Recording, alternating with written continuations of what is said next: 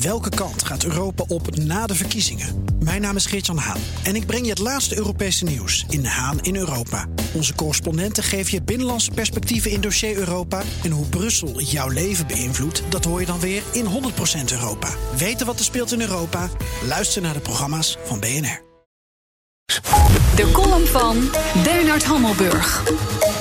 Zodra er nieuws is over olie, zoals nu in Saoedi-Arabië, lijkt het wel alsof de fabeltjeskrant de belangrijkste bron van informatie wordt.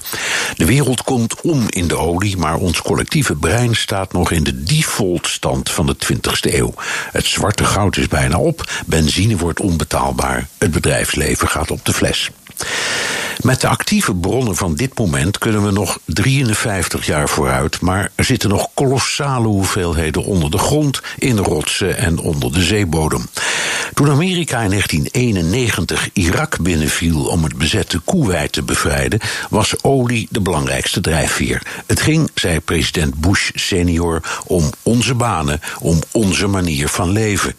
Inmiddels is Amerika vrijwel energie onafhankelijk en importeert nog nauwelijks olie uit het Midden-Oosten. Vandaar dat Donald Trump de aanslag een Saoedisch probleem noemt en zijn adviseurs erop wijzen dat er geen defensieverdrag is en dus geen plicht om de Saoedi's te hulp te komen.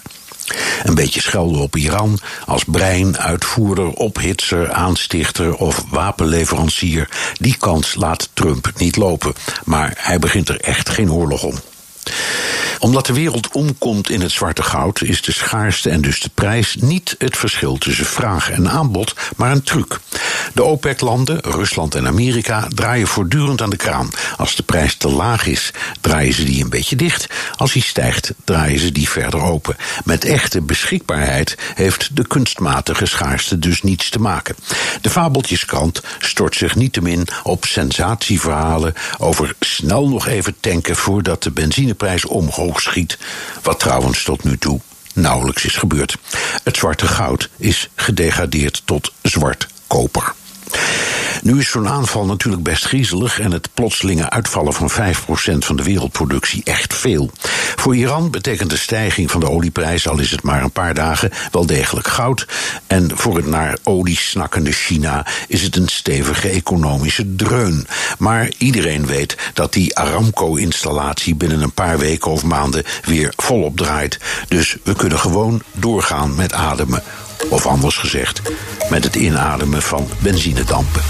En dat zei Bernard Hammelburg, onze buitenlandcommentator. Op woensdag onze columnist en alle columns van zijn hand... en van andere columnisten kunt u terugluisteren op bnr.nl, onze mooie website... en in onze app, bnr.app. Nee, er zit geen punt tussen. Het is gewoon een app, kan u vinden op de stores. Vergeet niet ook de podcast.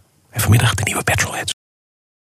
Ook Harm Edens vind je in de BNR-app. Je kunt BNR Duurzaam niet alleen live luisteren in de app, maar ook terugluisteren als podcast, zoals al onze podcasts.